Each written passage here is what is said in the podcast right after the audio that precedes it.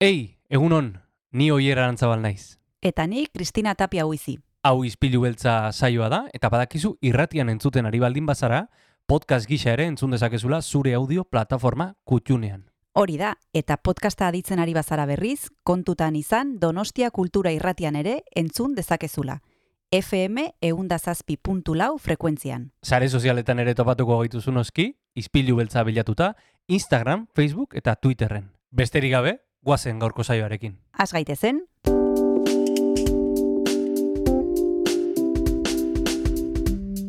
Ispilu beltza. Donostiako kulturaren berri, Oyer Arantzabal eta Kristina Tapia buizirekin. Egun honen zule, azaroak iruditu osteguna da gaur, eta ez dakit nondik ariko zaren entzute, baina gu hemen gaude. Donostia kultura irratian, ispilu beltzean. Hemen gaude, parez pare, Kristina, egunon.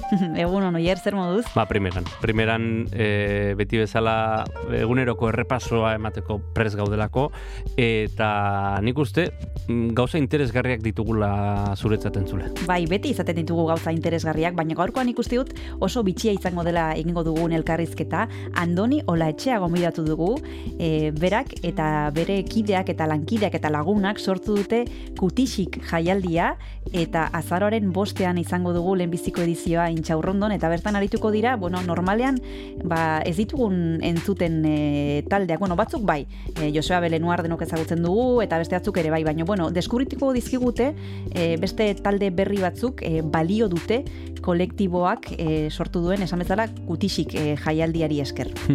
Bertako musika taldeak e, izango dira oholtzan, eta, Mhm. eta bueno, gustura entzungo dugu. Bai elkarrizketa, eta segurazki elkarrizketan zea jarriko dituen abestiak. Hori da. Gainera, Josemi Beltran, zinema hitz egitera dator. Bai, ja bukatzen ari da e, beldurrezko astea, bihar bukatuko da, azararen lauan, eta guk Josemi Beltran ekarri dugu tartetxo bat e, kenduko diogu, eta pelikulak ekarriko izkigu beti bezala, lanpetuta dabil, baina hala ere, tartea izango dugu guretzat astero egiten duen bezala. Beti topatzen dut arte, eta guk gusto ondiz hartzen dugu izpilu beltzean. Tira, horri guztia, hori guztia gaurko saioan, beraz, e, Jon Gartziaren baimenarekin, az gaitezen. Guazen.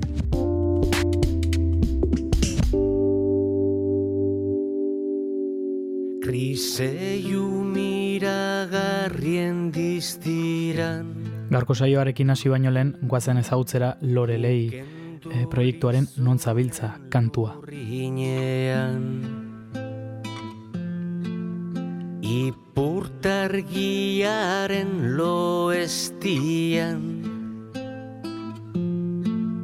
Eskutuan zabiltza hor nonbait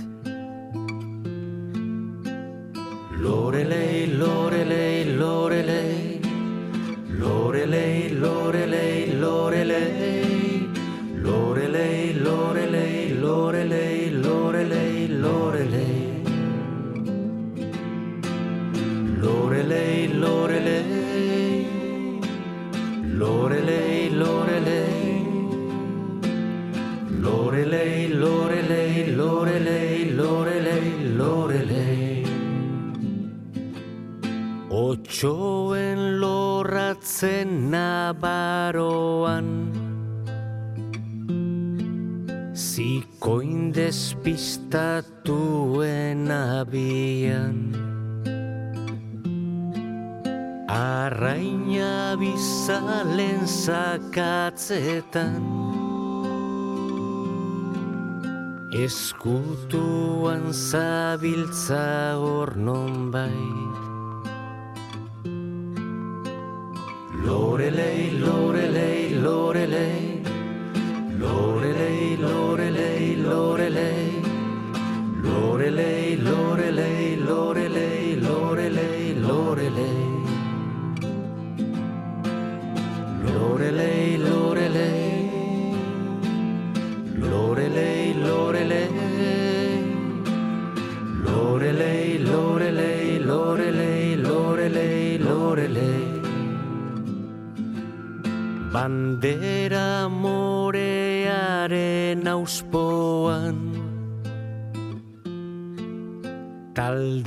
fasistaren mitinean Koe kontzertu intimoan Eskutuan zabiltza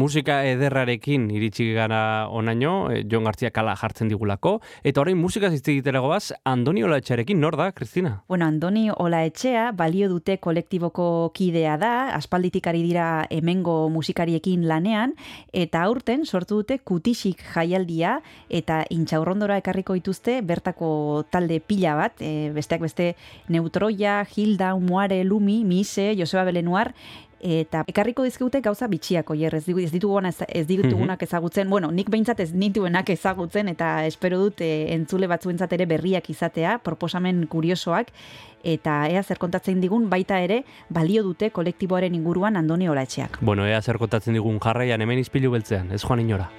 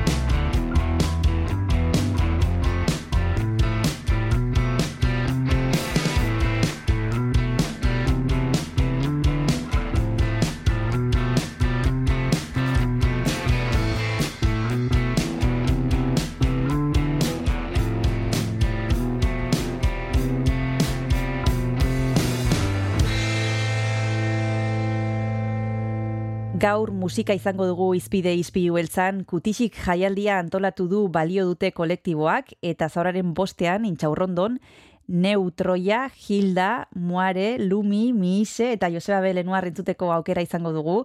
Donostia kultura irratira Andoni Ola etxe antolatzailea gonbidatu dugu. Egun Andoni, zer modu zaude? Bai, egunon, bai, oso no. Bai.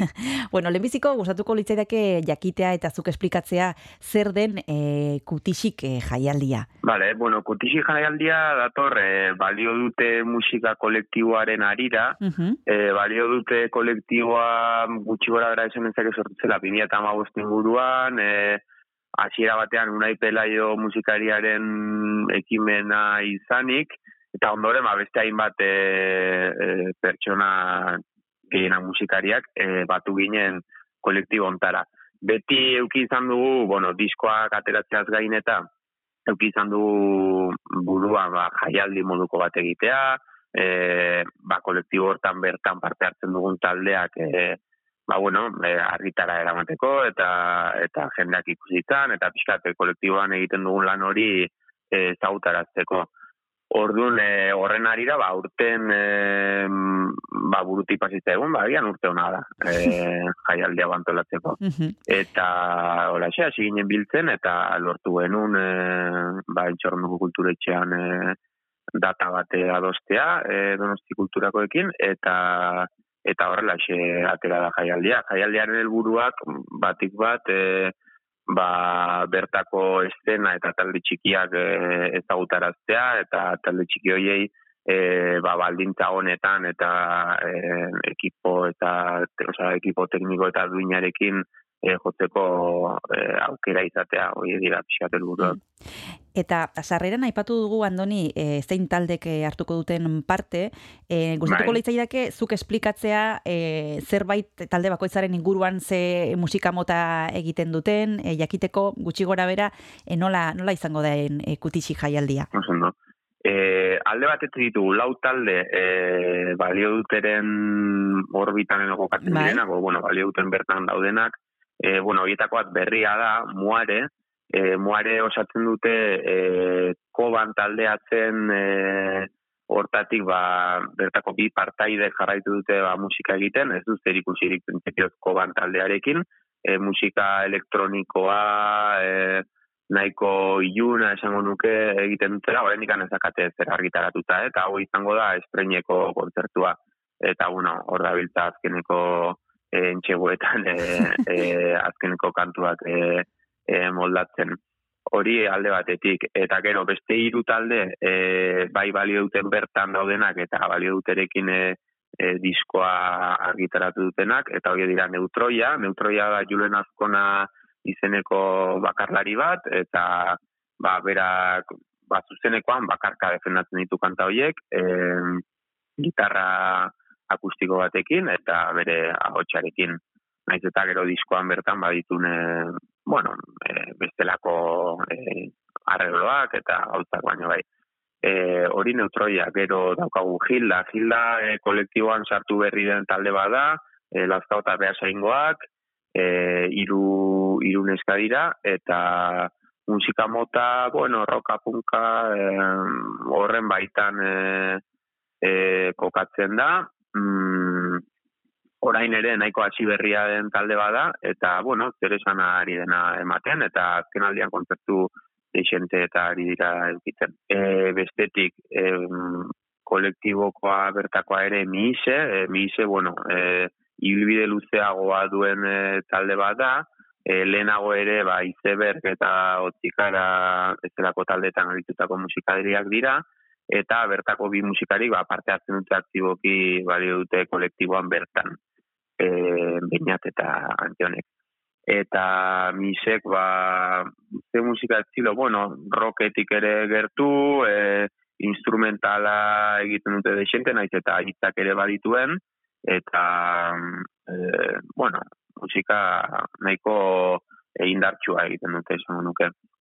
Eta gero, e, beste bi kontzertu, bueno, beste bi taldetaz faltazik hitz egitea, hauek bai direla talde gonbidatuak, e, kanpotik e, datozenak, alde batetik lumi lapurtarrak ditugu, E, Lumi, bueno, e, duo elektroniko bat da, e, ba, musika nahiko iluna egiten dutenak ere, e, oraintxe disko berria e, atera berri dute, naiz oroitzen orain izena, eta, e, bueno, ba, hoiek, e, ba, lagunak dira aspalditik eta gonbidatzea gotu zitzaigun, eta zuzeneko bi izan da ere zuzeneko oso betea daukatela esan nuke. Eta azkenik e, Joseba Belenuar, e, bai, Joseba Belenuar gang etorriko da talde osoarekin printzipioz, e, horrela aipatu zigun, eta bueno, ilusionatuta gaude, bueno, ibilbide luzeko musikaria da,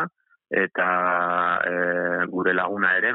Azkena erabaki dugu, ba, bertako, bueno, guretzat bertukoa den jendea gonbidatzea e, bertara, ba, horrek zeukalako zentzu azkenean. Eluke haimeste zentzurik eukiko, ba, nik zerrakit, kanpoko talde handi baten e, zentratzea eta, eta aurrekontu guztia hortzara bideratzea, baizik eta, bueno, norbait ba, ezagutzen duena eta e, ba, balio dute bera eta ilusio egingo diana e, gurekin jotzea. E, bueno, Josebak ba, barroka egiten du batez ere, e, ez dakit ze talderekin etorreko den, ze beti Dabil. aldaketak eta bai, bai, bueno, moldatzen da guri deitu genion eta esan zigun, bai, bai, bai, ingo dugu zerbait, seguro, e, pozik zegoen, eta itxe ingo dute hainbat musikarirekin, eta eta joango gara formatu baten edo bestean. Orduan, ba, bueno, a ber, eh. Deskribatu dituzu Andoni e, bertan egongo diren e, taldeak eta nik nahiko nuke agian e, talde hoien e, abesti bat jartzea, tarte bat hartzeko, deskantsu bat egiteko. Zein jar Aha. dezakegu entzulekin partekatzeko zer iruditzen zaizu? Adibidez, eh, Gilda taldearen Cornelius abestia. Mhm. Perfecto, bagoazen entzutera.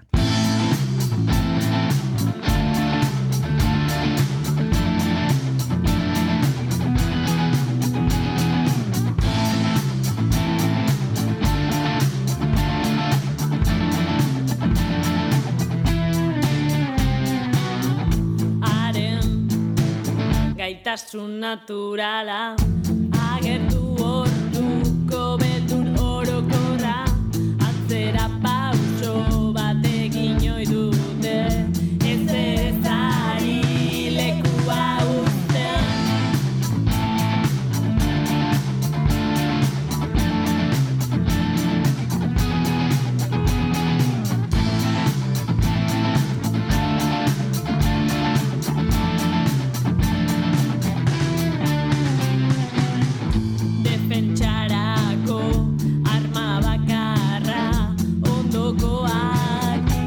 atzeratzeko era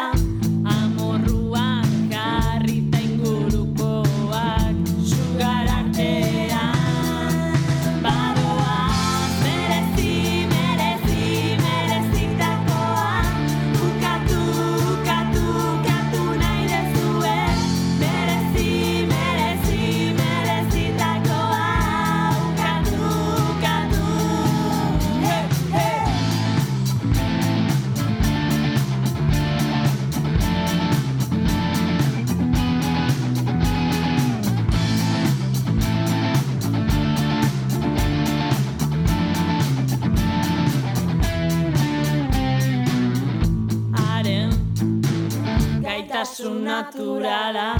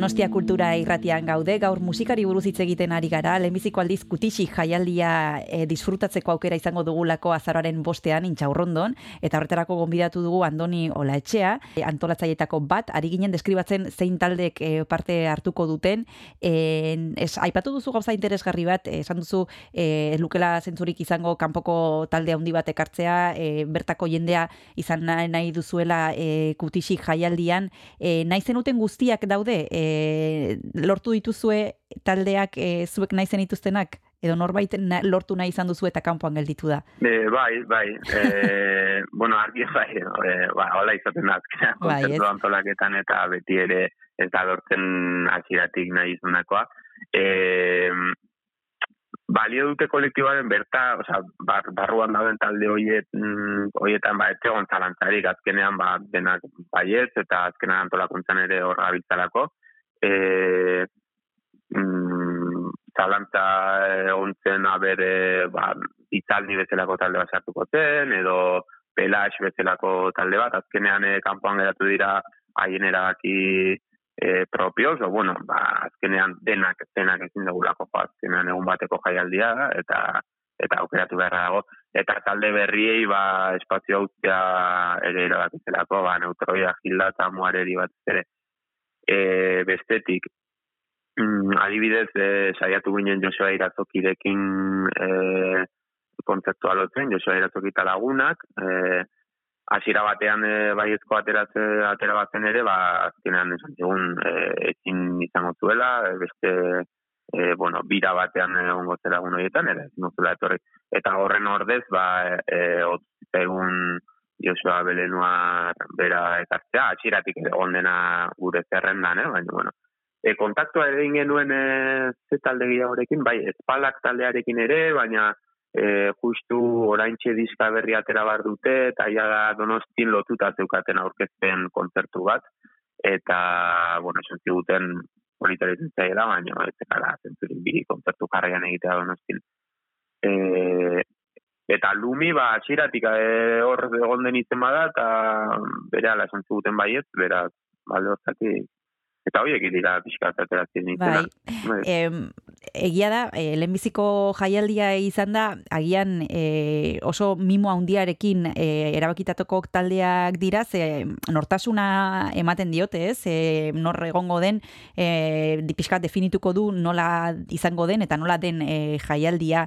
E, ze Bai. publikotan ari zarete pentsatzen, Andoni, edo ez dakite ez duzuen hortan Bai. pentsatu, edo norbaitentzako den, edo denentzat, ez dakite nor espero duzuen hurbiltzea. Mm, galdera zaila. eh, bai, nor espero dugun urbiltzea, ber, batez ere nik uste etorriko den jendea da, ja lehenagotik balio dute ezagutzen du jendea, eta e, pixkat e, babes hori adiratzeko etorriko den jendea. Uste dut, e, moare taldea berria izanik eta estreniko kontzertua emango duten horretan, haien ezagun eta familiko eta asko etorriko direla, hori alde batetik. E, gero, pff, Joseba Belenuarrek ere, ba, mugitzen du jendea, ba, bueno, rokaren inguruan eta euskal rokaren inguruan eta mugitzen du jendea, eta nik uste e, perfil hori ere gerturatu daitekeela, eta, ba, ez dakit, ba, Gilda Beasainekoak izan da, besteak donosti ingurukoa bera balio duteko baina Gilda Beasaingo taldea izan da, ba, pentsatzen dut bertako jendea ere etorriko dela. Be, adin tarte aldetik eta ez dakit, nik uste denetatik etorriko dela, batez ere, segurazki ere, gazte jendea, baina, baina, bueno, uste eh, gure gurasoak eta ere.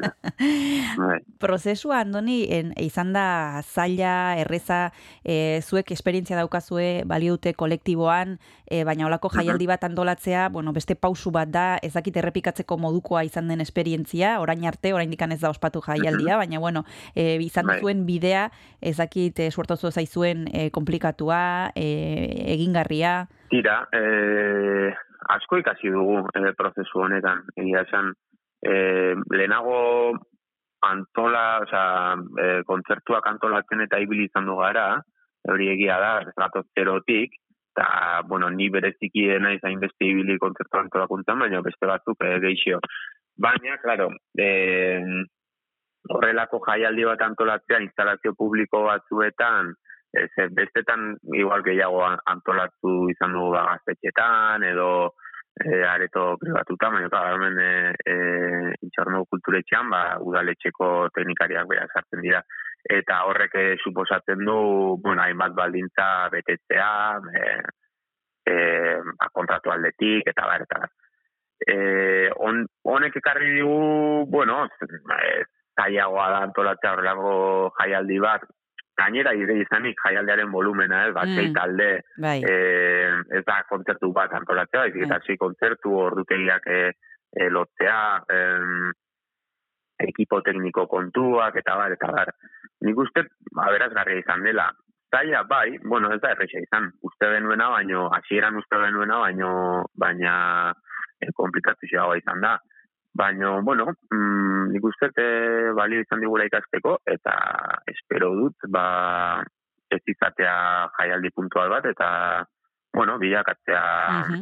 ez dakit urteroko, baino ekiz denborako Mhm. e, tradizio baten edo. Mhm. Mm ikusiko dugu, aurrena, lehenengoa, lehenengoa egingo dugu abertzen moz ateratzen zegoen, eta gero ikusiko. Andon, ikusi duguna da, edo hobeto esan da, entzun duguna da Gilaren Cornelius abestia, lehen lehenbiziko deskantzurako jarri duzuna, eta zuri esker deskubritu duguna, eta bigarren abesti bat eskatu behar dizut bigarren tartea hartzeko, zein entzun dezakegu orain? Bai, e, bigarren abestia, mi zeren eta berriz ere Perfecto. Bagoazen entzutera.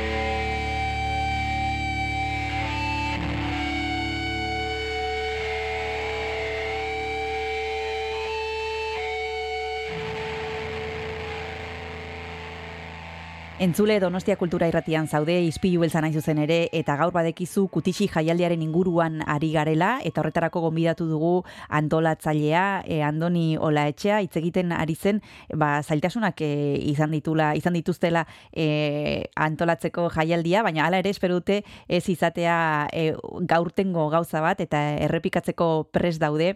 Aipatu duzu hasieran Andoni e, e, zuen kolektiboaren e, bilakaera zein izan den eta gustatuko litzaidake gehiago sakontzea musika kolektiboaren e, kontzeptuaren inguruan e, kuriosoa eta politaldi beran iruditu zait eta hori da pixkat Bai. zuen zigilua, ezta? Bai, e, kolektiboaren zentzua da azken finean mm, talde individual bezala gaur egungo musika estenan kaia da tokia egitea, kaia da diska bat e, ateratzea, finantzatzea, e, bueno, talde txikiak e, disketxe demagun handietatik aparte e, gelditzen direnak eta zaila dute haien bidea egitea.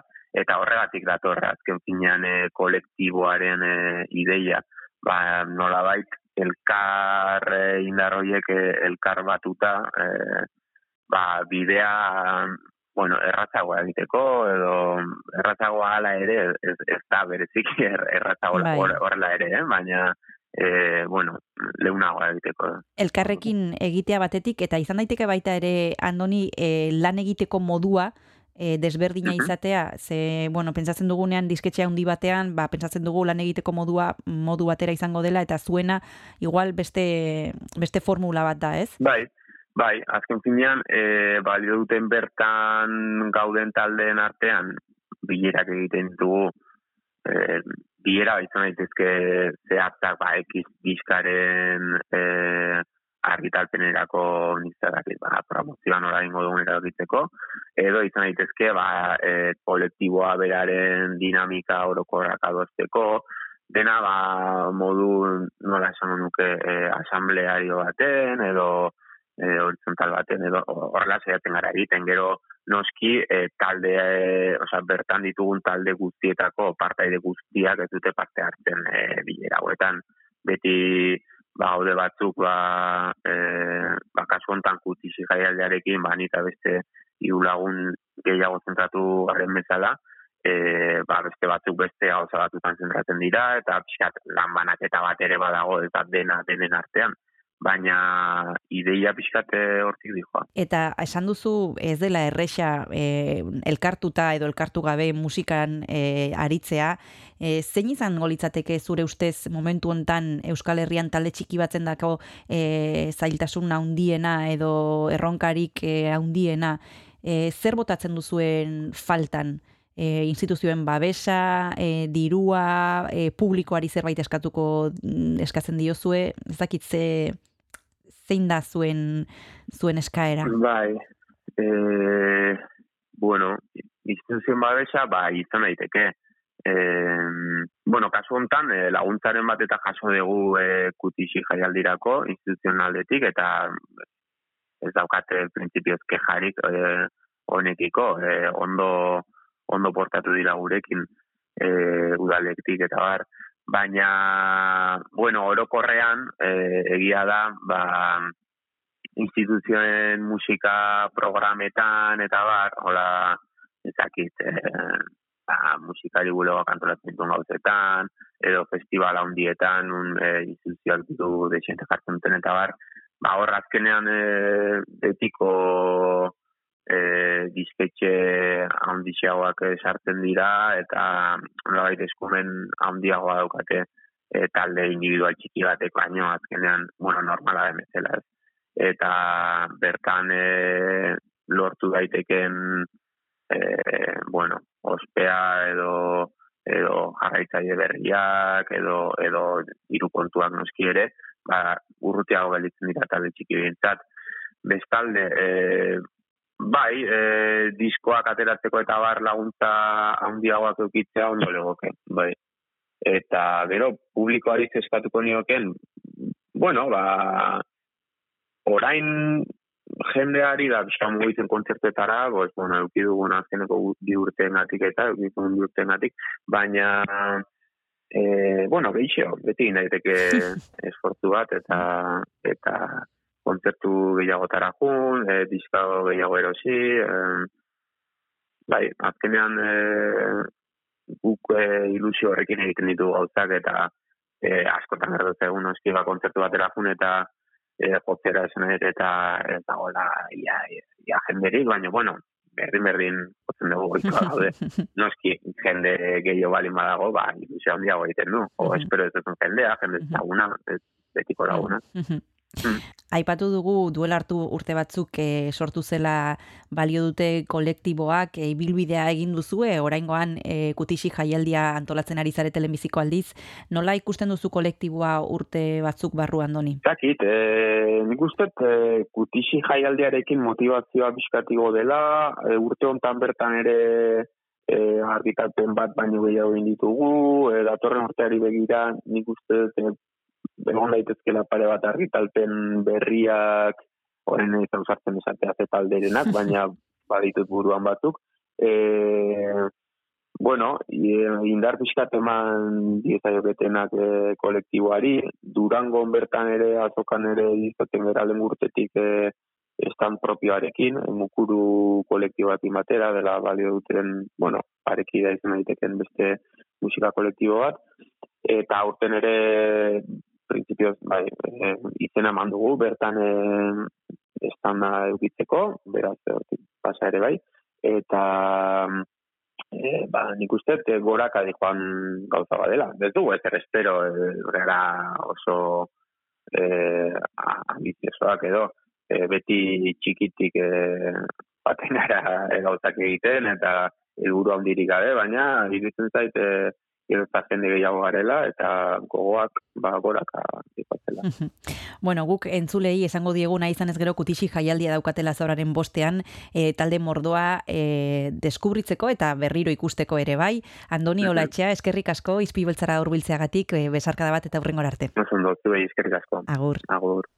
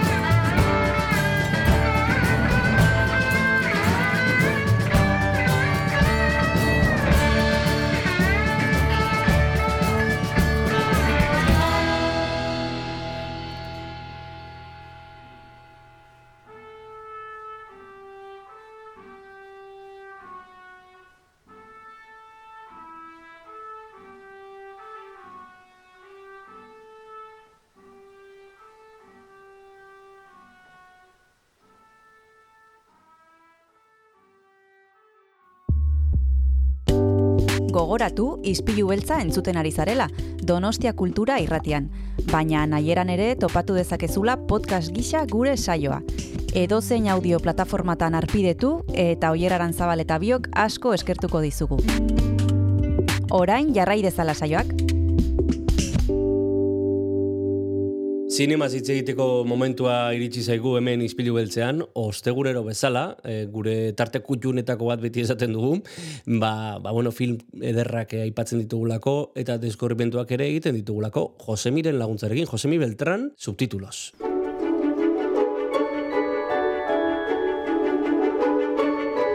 Azpitituloak, subtitulos, Josemi Beltranekin.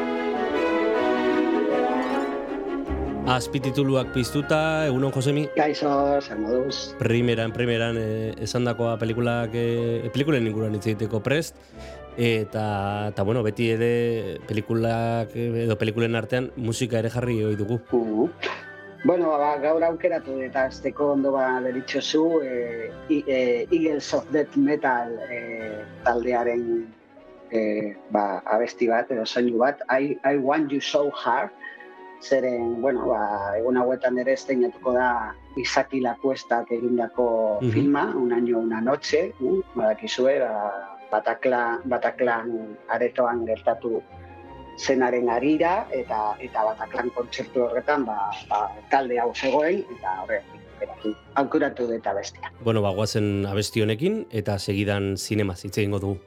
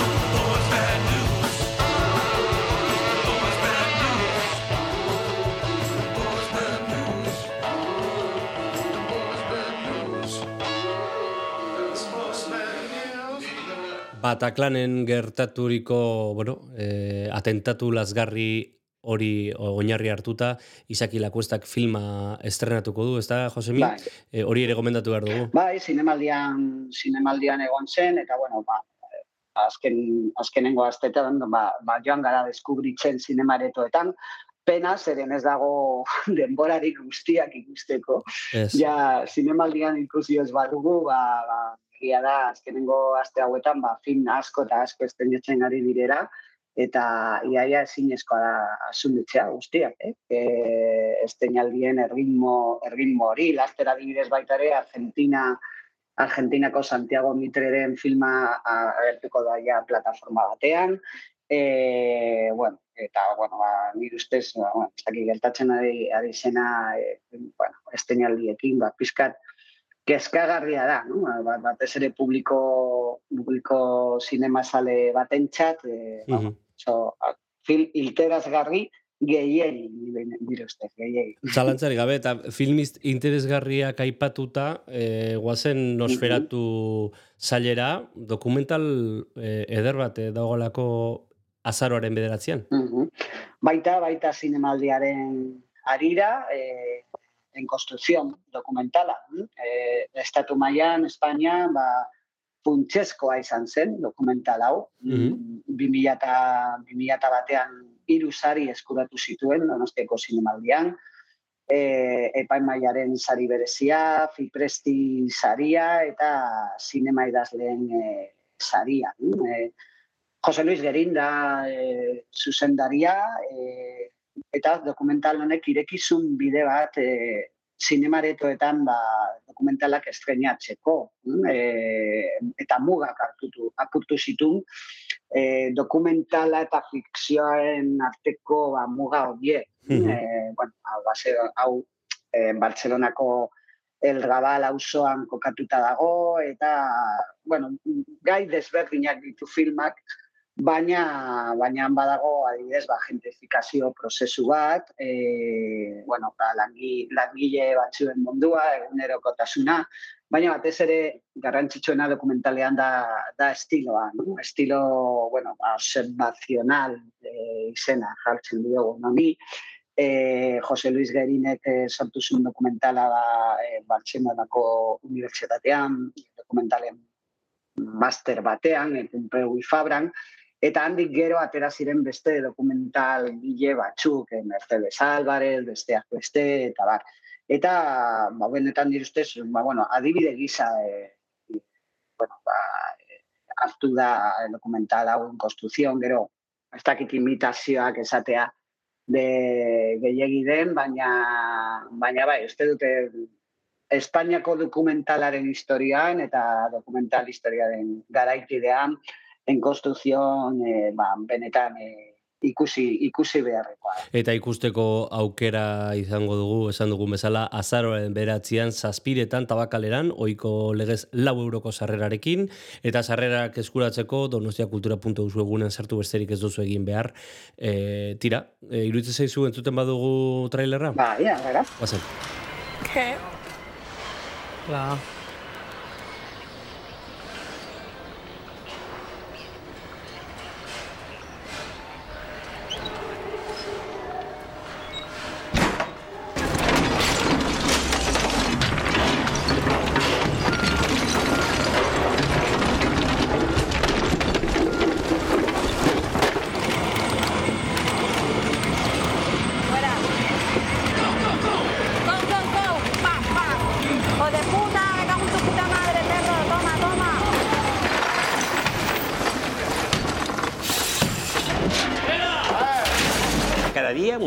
Cada día una camisa. Porque soy un hombre diferente a los demás. Diferente. Eh, Me gusta vestir bien, comer bien. mira que la ropa va cara, eh. Nosferatu zailan film ederrak izaten du ikusgai, eta azken boladan e, zinemaldiari omenaldi gisa hainbat eta hainbat ari gara disfrutatzen. Aipatu dugu En Construcción dokumentala, mugarri izan zena Espainiar estatuko dokumental gintzan, 2000 eta batean, e, Jose Luis Gerin, e, zuzendariak e, zuzendua, Eta bagoaz, oraingoan, baina e, beti bezala, bueno, e, beste film berri bat ezagutzeko, ez? Mhm. Bai, eta berriro beldurrezkoa, nik, eh, bueno, eh, ez dut eh, pelmade eman nahi, generarekin egia esan. Baina, baina, bueno, bai, baliteke, bueno, ba, Halloween garaian edo gau beltza garaian e, gabiltza, sartuta, eh, eta, eta beti urrian, azaroan, ba, zinemaretoetan hau, hau bezalakoak eh, esteinatzen dira, eh? Eh, bueno, esteinatu zen duela gutxi eh, Halloween sagaren entrega entrega berria edo eh, kapitulu berria, baina hau oso desberdina da. E, gainera da eh, emakume zuzendari berri bat, eh, esko generoan, eh, Hanna Bergon, eh, suediakoa, eta filma ego, ego du izena. Eh, Zorritzarrez ez dugu izan gure beldurrezko gure beldurrezko astean, baina zinemaretoetan ikusteko aukera badago, eta benatan gomendatzen den, nire ustez, e, bueno, ba, urte, aurten, ba, bueno, interesgarrienetako bat da, e, film hau, e, da neska gimnasta baten historioa, e, nerabe bat, eta erabiltzen du ba, monstro bat, e, Mhm. argautz erraldoi bat, dauka neska honek bere, bere gelan, e, eta argautz erraldoi erren bitartez, ba, filmak irudikatzen du, ba, ba, nerabe baten aldaketa, ezta? E, alde batetik ba, bere familiak ba, itxura perfektoa du, sare sozialetan, abendetan, e, bueno, estiloa, filmaren estiloa, kolorez eta e, beteta, ba, e, kontrastea sortzen du mustroa eta bizitza perfecto perfecto horren artean. E, eta, bueno, benetan oso azkarra da filma, e, komedia ere badauka pitxin bat, e, nazka pitxin bat ere, bai. beldurra gust, gustuko dutunen txat, bai, baina nazka polita, esango nuke nik, eta, eta berriro mustroa erabiltzen du nire ustez, ba, bueno, ba, ba, oso, oso, oso ondo, eta eta baina mustroarekiko maitasunarekin. Ez da bakarrik aitzaki bat, metafora gisa, Mhm. eh, egiteko, egiteko film bat edo, eta, eta bueno, beretan eh, gomendagarria, bueno, bai beldura gustuko baduzun, edo, edo bueno, ba, agian opera prima berriak, edo berriak eh, eh, deskubritzeko. Mhm. Hanna Bergolmen eh, Ego filmazari gara, entzun dezagun trailerra. Hei kaikki. Ihana arkiblogi ja tässä nähdään tavallisen suomalaisperheen tavallista arkea ja miten ihanaa se voi olla.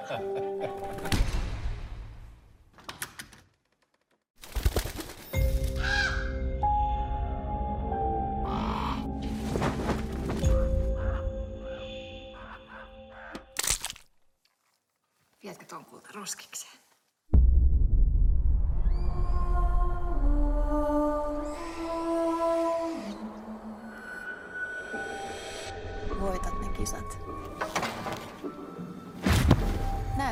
Että sä oot paras. Just noin. Mut hei, sään oli tosi hyvä. Kiitos. Finjan pitäisi treenata oikein ekstra kovaa, että pärjää sulle.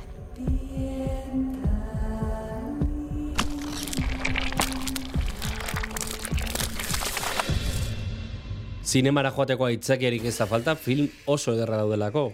Josemi?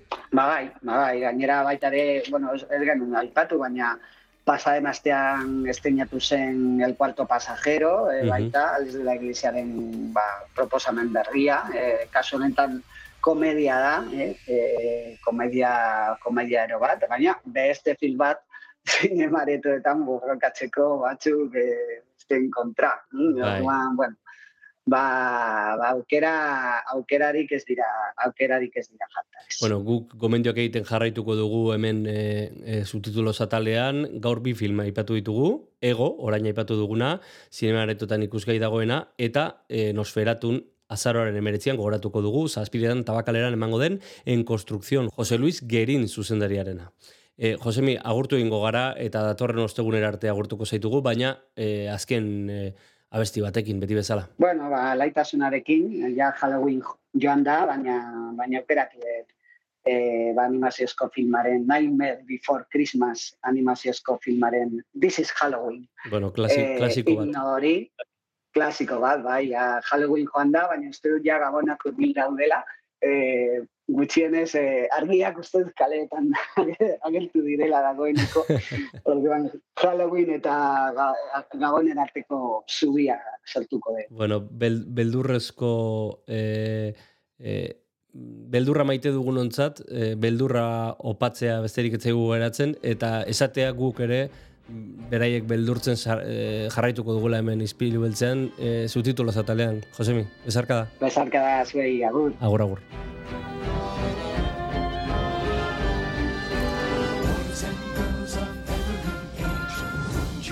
See something strange?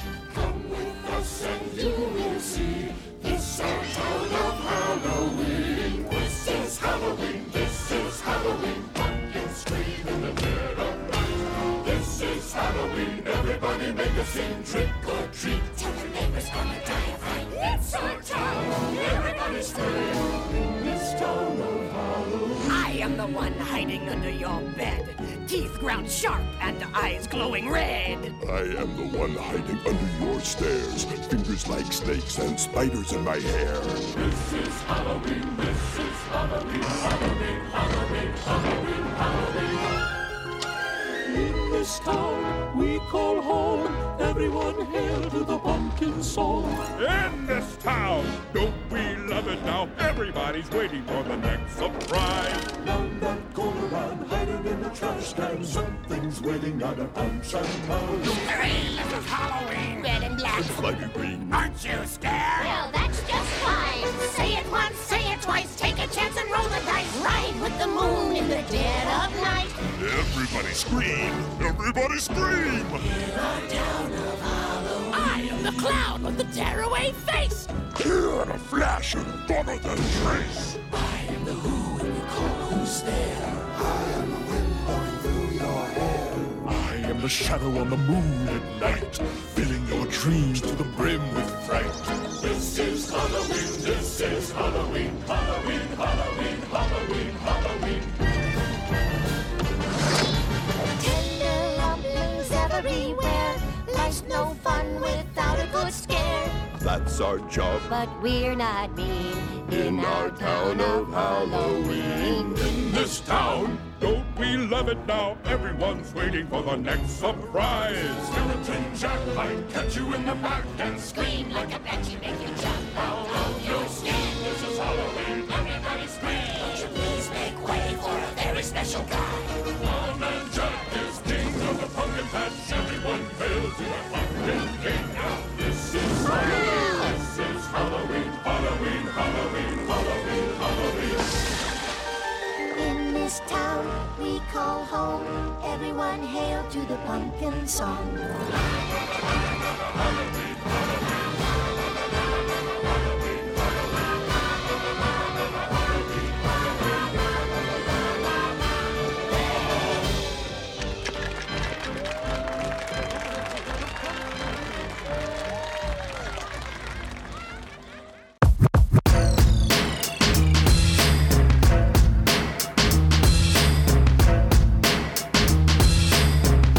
Ispilu beltza.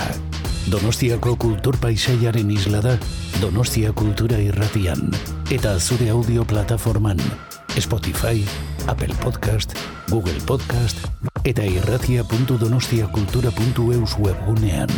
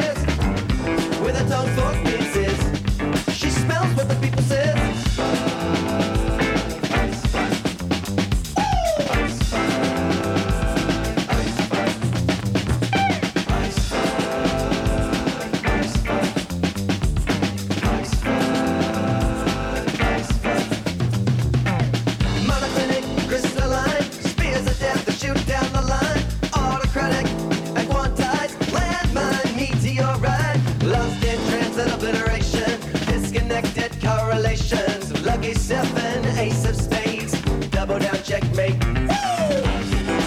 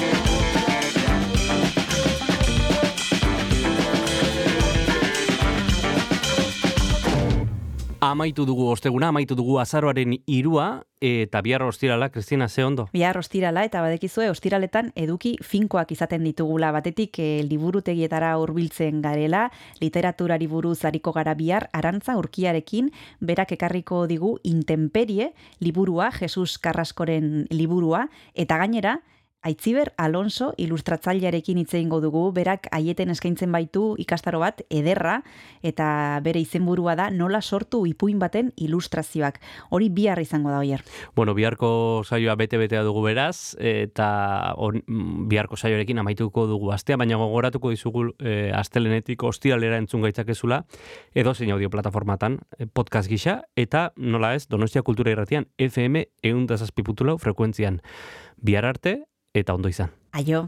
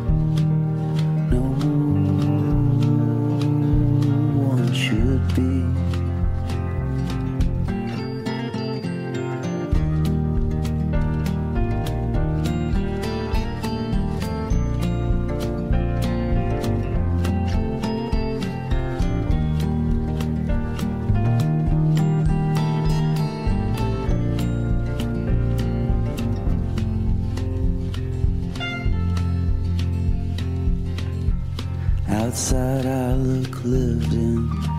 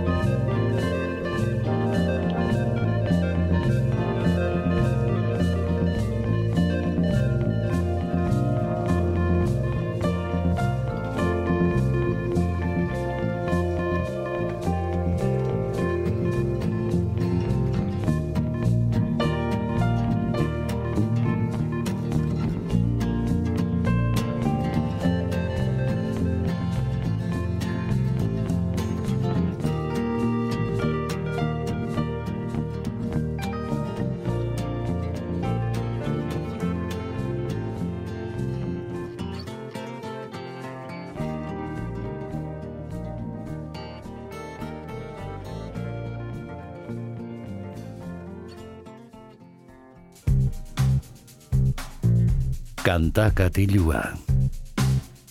Jon Gartziaren eskutik.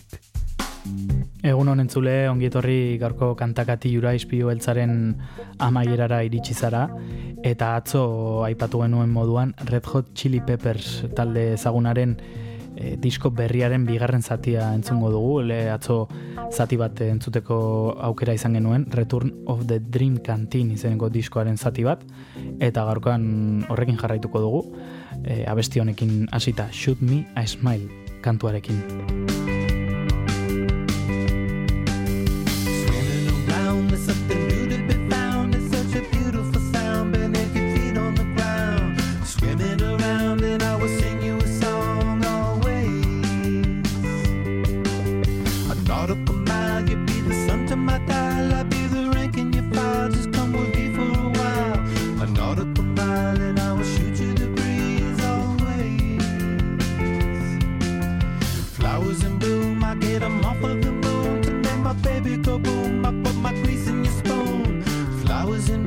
and you're the colors that you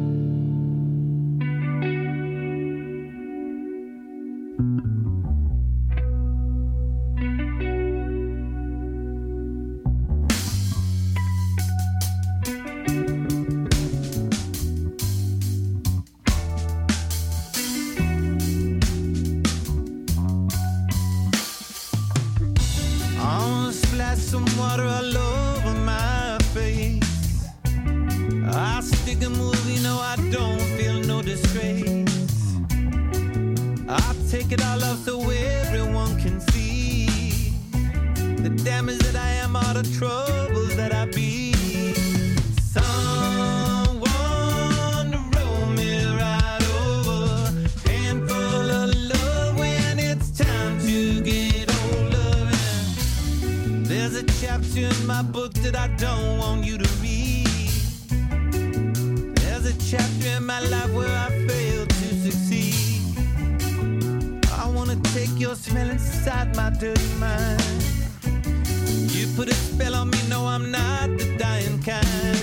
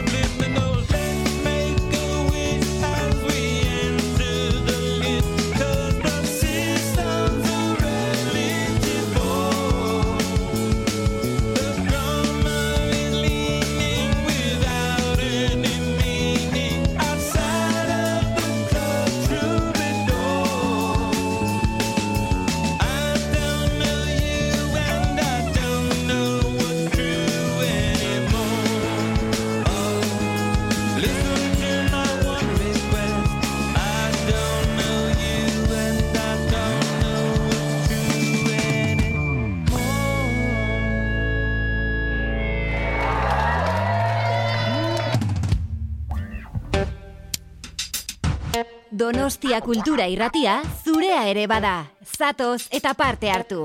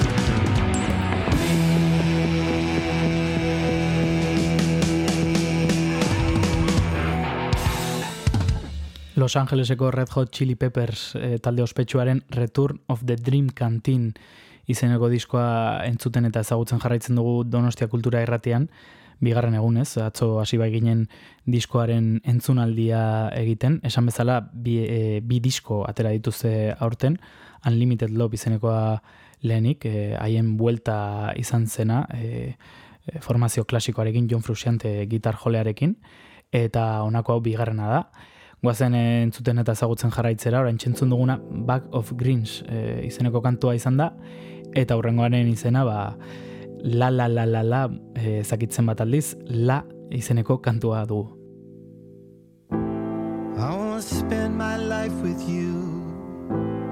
Mess around with things to do.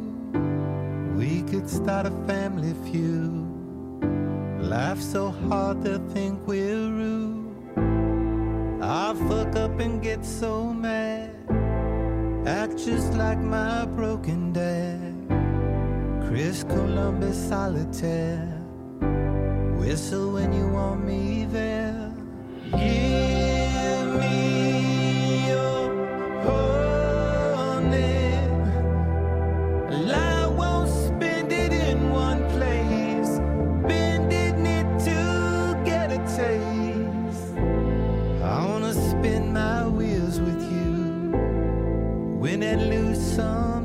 with you. Tell me how it feels for you to order happy meals for two. And when it all seems out of reach, we'll clean up plastic off the beach. Your figure is a perfect speech. You'll be Chong and I'll be Cheech. Give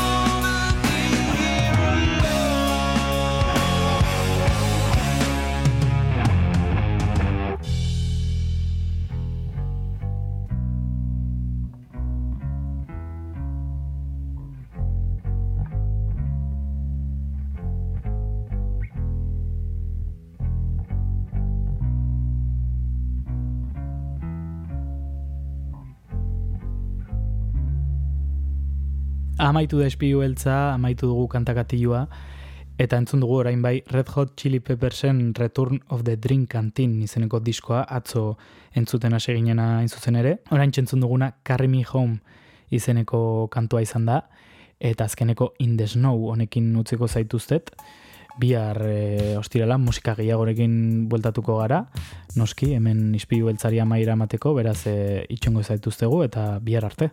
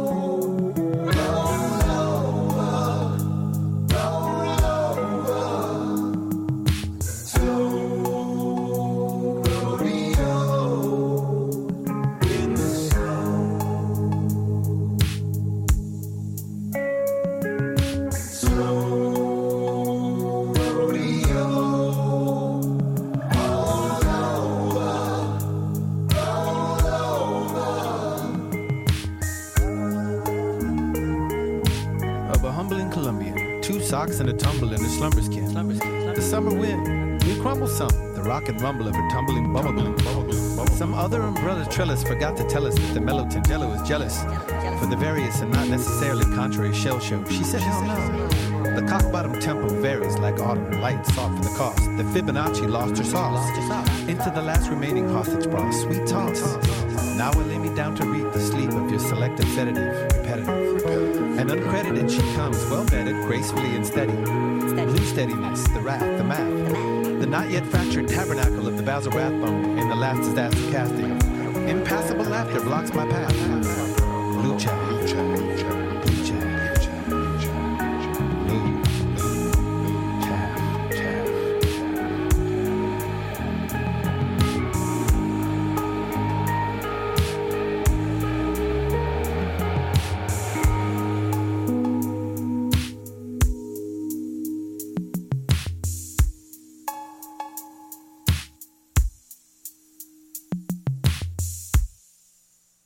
Ispilu beltza podcasta entzungai duzu irratia.donostiakultura.eus webgunean, Spotify, Apple Podcasten, Google Podcasten edo zure audio plataforma kutxunenean.